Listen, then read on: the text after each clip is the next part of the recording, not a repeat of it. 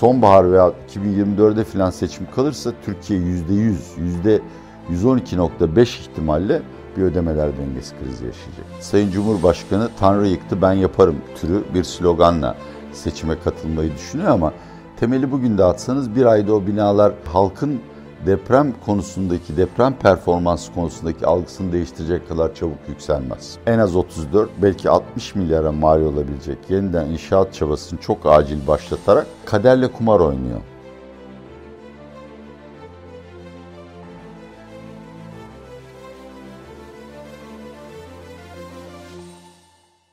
Atiye Bey merhaba. Merhaba sevgili Semih. Merhaba Türkiye'nin acılı insanları. Bir kere daha herkese geçmiş olsun diliyorum. Ve daha önemlisi acılarımızın en kısa zamanda sona ermesini diliyorum. Hepimizin umudu o yönde. Sıkıntı günden devam ediyor. Tabii içinden çıkmak çok zor. Çok da mümkün değil kısa vadede en azından. Bu felaketin ardından siyasi ekonomi yansıma konuşacağız. İşimiz bu. O yüzden hazırsanız başlayalım. Tabii ki. İlk önce şuna başlayalım. Son bir hafta neler yaşandı? Kızılay'ın ah baba parayla çadır ve yemek sattığını öğrendik. Fenerbahçe ve Beşiktaş tribünleri hükümet istifa diye bağırdı. Hükümeti protesto etti deprem sebebiyle özellikle. Başta başçı olmak üzere birçok MHP'li e, Beşiktaş üyelerinden istifa etti. Yıkılan şehrin bazı inşaat firmalarına vereceği Bahadır Özgür, gazeteci Bahadır Özgür'ün tweet'i ortaya çıktı. Polis Tip İstanbul İl Başkanlığı'nı dün gece saatlerinde ablukaya aldı. Cumhurbaşkanı Erdoğan çocuklara para dağıttı ve Adıyaman'da hatalarını kabul etti ve insanlardan helallik istedi. Tüm bunları ve daha fazlasını son bir haftayı değerlendirdiğinizde ne yaşıyoruz biz? Valla benim burada gördüğüm bir devlet aygıtının artık tamamen e, fonksiyonunu yitirmiş olması. Hesap verilemezlik diye bir kavram var. Demokrasilerin en büyük ayıbıdır. Kızılay ben yaparsam yaparım size ne ya yani benim patronum benden memnun şeklinde düşünüyor. En az bunun kadar önemli olan hesap verilmeyen ama işini doğru dürüst yapan kurumlardan oluşan bürokrasi de olabilir. Otoriter rejimlerde böyleleri görülür. Maalesef artık bunu da yerine getiremiyorlar. Kızılay'ın yani çadır satışıyla filan ne gibi ilişkisi olabilir? Ee, ben bunu anlamakta güçlük çekiyorum. Şimdi bu çok kesif ve yoğun bir sorun. İşte depremde can kayıplarının belli bir bölümü bu devlet ve bürokrasinin görevini yani görevini yapmamasından değil, görevini yapamayacak şekilde çözülmesinden kaynaklanıyor. İkincisi tabii bir toplum bir arada tutan önemli bağlardan biri vatandaş ve devlet arasında güven ilişkisi. Bunun da yavaş yavaş çöktüğünü görüyoruz. Stadyumlardaki tepkilere gelince ben bunu artık e, en azından büyük kentlerde, metropollerde toplumun çok önemli bir bölümünün AKP, MHP iktidarından bıktığını, gitmesini istediğini, bu yönde oy vereceğini ama en az bunun kadar önemlisi eğer yeniden seçimleri bu iktidar kazanırsa Türkiye'de İran türü sosyal rahatsızlıkların da meydana gelebileceğini gösteriyor. Sayın Bahçeli'nin tutumu yani tabii ki Be- Beşiktaş üyeliğinden istifa etmekte serbesttir ama onunla birlikte işte maçlar seyircisiz oynansın filan gibi bütün bu bahsettiklerin arasında bence devletin fonksiyonunu yitirmesinden sonra en korkutucu olanı. Çünkü eğer yeniden Sayın Erdoğan'la Bahçeli iktidara gelirse demek ki artık Türkiye'de sadece onların istedikleri söylenecek ve sadece onların istediklerini yapanlar mümtaz vatandaş fonksiyonu oynayacaklar. Bu belki bazı AKP, MHP seçmenleri ne yapalım canım bizi ilgilendiren bir konu değil diyebilirler ama iş öyle çalışmıyor. Her parti içinde de değişik menfaat grupları var. Bunların da değişik fikirleri olabilir. Bunlar da yavaş yavaş elimine edilir. İşte yani Sovyetler Birliği'nin dağılmasından sonra buna benzer bir şey gördük. Aslında orada bir sürü koalisyonlar yönetirken mesela bunların en ağırlarından biri aslında biraz da oligarkların e, desteğiyle iktidara gelen Putin'in hepsini tasfiye etmesi oldu. Dolayısıyla bu taş hepimizin başını yarar. En son olarak da bir şey daha söylemişti. Pardon artık iyice yaşlanıyorum. Bir en son noktan neydi? O da çok önemliydi çünkü. Hatalarını kabul etmesi mi? Evet. Hatalarını kabul etmesi tabii ki bir erdem. Helallik kavramını ben laik bir devlete yakıştıramıyorum. Dolayısıyla bunu değerlendirmeyeceğim. Bence hiçbir anlamı olmayan bir şey. Para dağıtması valla Sayın Erdoğan'ın yani hepimizde var. Şimdi bu bir eleştiri veya buna da anlamına falan gelmiyor. Yani Atilla Yeşil'den çok komik hareketler. Mesela şu anda yerde yatan kediyi boynundan tutup dışarı atmak istiyor. Çünkü sinirimi bozuyor. Ama yapmayacağım öyle bir şey. Daha önce de çay atmış yangın bölgelerinde falan. Dolayısıyla böyle şeyleri yapıyor. Bence Burada asıl üzücü olan Sayın Cumhurbaşkanı'nın böyle bir gariplik yapması değil, bu tür huyları olabilir. Orada insanların onu dağıtacağı bir kuş, birkaç kuruş para için birbirini yemesi, bu Türk milletinin de bazı üyelerinin en azından hala vatandaş olamayıp teba olarak kaldığını gösteriyor bana. Ama özetle söylemek gerekirse insanların da iç yüzü böyle, evliliklerin de böyle. Gerçekler zor anlarda, büyük şoklar sonucu ortaya çıkar. Şu ana kadar bence muhalefetinden şeye kadar, iktidarına ve bürokrasisine kadar kimse e, bu depremde e, iyi bir performans gösteremedi. Bunu söylemek zorundayım. Evet bundan sonra uzun süre tartışılacak bu performans gösterme olayı. Nasıl, kim nasıl performans göster ve muhtemelen seçimlerinde en büyük belirleyicisi olacak. Seçimlerin de olacak. Bir de burada yani ben bir daha Kızılay'ın Türkiye'de itibar gören bir kurum olarak kabul edilebileceğini düşünmüyorum. Bazı hatalar bir kere yapılır ve ondan sonra artık o kurum kendini toparlayamaz. Bu bence öyle hatalardan biri. İktidar değişimi olsa bir mi? İktidar değişimi olsa bile kişileri de değiştirseniz yani bu biraz pazarlamadan örnek vereceğim ama e, mesela Coca-Cola 80'lerde bir ara formülü değiştirmeye karar verdi. 10 yıl toplayamadı kendini. Pizza Hut evlere pizza göndermeyi reddetti uzun süre. Pazar payının %50'sini kaybetti. İşte böyle dönüm noktaları var. Bence artık yani Kızılay Türk toplumunun e, zor zamanlarında güvendiği, yanında hissetmek istediği kurumlardan biri değil. Maalesef. Maalesef çünkü öyle değildi. Şimdi buradan seçime gidelim. Bugün meclis açıldı. Tekrar mesai başladı. Deprem yüzüne ara vermişti. İlk olarak da EYT'yi gündemine alacaklarmış. Geçen programda kısaca onu sormak istiyorum. Önce geçen programda seçimin ertelenmesinin hala da ihtimal olduğunu ve Cumhurbaşkanı Erdoğan'ın bunu en son kadar zorlayacağını söylemiştiniz. Aynı fikirde misiniz? Seçim sizce hangi tarih seçim için en olası? Bence hal, ben hala aynı fikirdeyim. Yani şu anda e, genel uzman görüşü olan Sayın Cumhurbaşkanı'nın geç değil en erken tarih 14 Mayıs'ta seçim yapılmasını istediğini ve muhtemelen de bunu birkaç gün içinde parlamentoyu feshederek göstereceğini düşünüyorum. Ama bence önümüzdeki günlerde yapmayı planladıklarının ekonomiye vereceği hasar ve Millet İttifakı'nın toparlanması halinde anketlerin hızla onun aleyhine döndüğünü görecek ve son bir çaba olarak seçim tarihini değiştirmeye çalışacak. Bu Türkiye'de siyasi çatışmada gerginliği arttırır ama ben sonuç vereceğini pek düşünmüyorum. Yine de belki hani bana sorsa Sayın Cumhurbaşkanımız 14 Mayıs değil 18 Haziran derim. AKP açısından söylüyorum çünkü anladığım kadarıyla Sayın Cumhurbaşkanı Tanrı yıktı ben yaparım türü bir sloganla seçime katılmayı düşünüyor ama temeli bugün de atsanız bir ayda o binalar halkın deprem konusundaki deprem performans konusundaki algısını değiştirecek kadar çabuk yükselmez. Dolayısıyla hani gerçekten hani bir yapmasın baş, o başka bir konu. Şeytanın avukatını oynuyorum ama buysa seçim kampanyası o binaların yükseleceği, kaba inşaatın şekilleneceği Haziran'a kadar beklese daha iyi olur. Bir de tabii şey var yani e, gerçekten döviz kurunda e, çok tarihi ve zor günler geçiriyoruz ama Mayıs-Haziran arasında muhtemelen ciddi bir turist takımı gelecek. O da o baskıları rahatlatabilir. Şimdi seçim demişken artık yavaş yavaş anketler gelmeye başladı.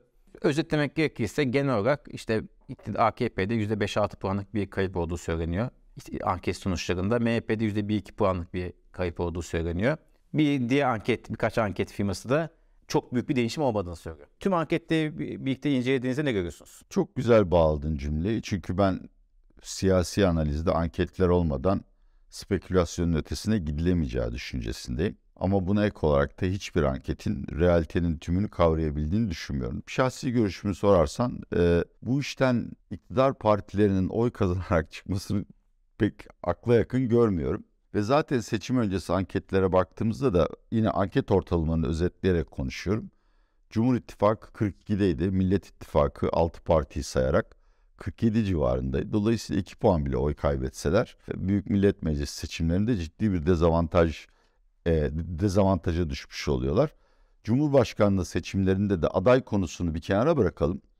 Yine aynı e, denge Sayın İbrahim Uslu da bunu söylüyor. Sayın Özkyaz da bunu söylüyor. Bekir Bey yok Bekir Bey buna katılmıyor. Bekir Bey'i katmayayım şimdi Bekir abiyi kızdırmayayım. Ama yani pek çok uzmanın görüşünü aslında Cumhurbaşkanı anketlerinin kendi içinde değeri olsa da zaten Türkiye yani genel seçim anketlerindeki oyların dağılımına baktığınızda Erdoğan'ın kazanmasının çok zor olduğunu görüyorsunuz. Yani ikinci turda HDP seçmeninin de Erdoğan'ın karşısındaki adaya oy vereceğini düşünürsek e, kazan kaybedecek Erdoğan. Şimdi zaten durumu zordu. Yani hiçbir ankette Erdoğan birinci turda kazanıyor gözükmüyordu.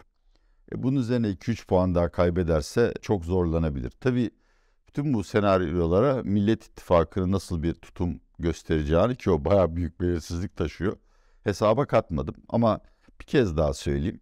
Bence Cumhurbaşkanlığı seçiminde Millet İttifakı'nın 1, 3 ya da 5 adayla sahaya çıkması sonuçları hiç değiştirmez. Milletvekili seçimlerinde eğer bence asıl pazarlıkların geçtiği bazı seçim bölgelerinde ortak listeyle çıkma kararı alamazlarsa o zaman AKP ile MHP'nin hani Millet Meclisi'nde çoğunluğu almaları değil de hezimeti engellenebilir. Bu depremin AKP'ye neler kaybettirdiğini kimse görebiliyor mu acaba? EYT'de ilk maaşlar herhalde Mayıs'tan önce yatmayacak. Eğer 14 Mayıs'ta seçim olacaksa bence orada yani o sebeple AKP'ye oy verecek olan seçmen e, çok da memnun kalmış olmayacak. Türban e, maddesi anladığım kadarıyla gündemden düştü. Bu durumda artık e, Mart veya Nisan'da e, enflasyondan dolayı asgari ücrete kamu çalışanlarına ek bir zam da çok pahalıya mal olacak. Ve önemlisi Sayın Erdoğan bu Dünya Bankası'na göre tamamı en az 34 belki 60 milyara mal olabilecek yeniden inşaat çabasını çok acil başlatarak kaderle kumar oynuyor. Çünkü yine deprem uzmanlarının görüşlerini yansıtıyorum. Her gün artçıların devam ettiği ve canımızın yandığı bölgede ıslak beton atmak akla yakın bir şey değil. Yani Allah göstermesin o binalar Mayıs'ta yıkılmaya başlarsa seçmen üzerinde nasıl bir etki yaratır? Bir de şimdi 25-30 milyarlık bir şeyin, e, projenin tabii ki bunun hepsi seçimden önce finanse edilmeyecek. Ama daha önce söylediğim gibi eğer hakikaten seçmenin gözünde şekillenen ve onun siyasete bakışını değiştirebilecek ölçüde bir yapılanmaya girecekseniz 10-15 milyar dolar bir yerden ekstra kaynak bulmak zorunda kalacaksınız. Ki bu kaynağı seçim harcamalarından çalamayacağınıza ve her şey Türkiye'de üretilmediğine göre bir cari açık beklenenden çok daha hızlı artacak. İki enflasyon beklenenden çok daha hızlı artacak ki bunların ikisi de deprem olayının dışında seçmen algısını iktidar aleyhine değiştirecek gelişmeler olur. Deprem seçim ekonomisinin içeriğini değiştirmez mi diyorsunuz? Her şeye rağmen onu zorlayacak mıydı? Yani şöyle düşünelim. Şimdi seçmene 20 milyar dolar ulufede atmayı planlıyorduk. E, şimdi bunu deprem bölgesine yatırırsak orada yaşamayan toplumun yüzde 85'i boynu bükük kalacak. Deprem bölgesine harcama yapıp aynı zamanda planladığımız genel Türkiye e, seçmeni tatmin edecek boyutta harcama yaparsak bir anda 20 milyar dolarlık bir kaynak açığımız ortaya çıktı. E yani hani tamam Merkez Bankası istediği kadar para basar da para bastığı anda da enflasyon çok hızlı artmaya başlar. Dolayısıyla evet yani bunlar ikisi her şeyi bir arada yaparsınız. Öyle bir rejimimiz var. Ama ekonominin temel kurallarını değiştiremezsiniz. Özellikle Türkiye'nin arz eğrisinin gittikçe katılaştığı bir ortamda siz aşırı para basma yoluyla talebi pompalarsanız bu derhal enflasyona ve cari açığa dönür. Evet çok güzel geldi son noktaya. Esasında son soruya. Şimdi Ali Babacan Deva Partisi Genel Başkanı dedi ki deprem sonrası süreç doğru yönetilmezse ekonomik krize Türkiye'yi vuracaktır dedi. Ee, dün yanlış hatırlamıyorsam Öner Günçav'da sizi mentionlayarak hiçbir şey olmamış gibi devam etmesi için dışarıdan kaynak ihtiyacımız var dedi. Siz de IMF'i işaret ettiniz. Aa, her zaman gibi. Her Standardımdır zaten. Yani ben bir şey burnum kanasa ya da ne bileyim şey olsa kuzular belanırsa IMF'yi çağırıyor. E, Erinç Hoca da Erinç... Sponsored by IMF. e, Erinç yerden de size karşı çıktı. Ben bu, bu öneriye katılmıyorum servet vergisi, üst gelire ek vergi, finansal işlem vergisi, imar rahatlığının vergilendirmesi gibi model olduğunu söylemiş kaynak bulma açısından. Hem Erinç Yardan'ın bu fikrini hem de sizin IMF fikrinizi nasıl değerlendiriyorsunuz?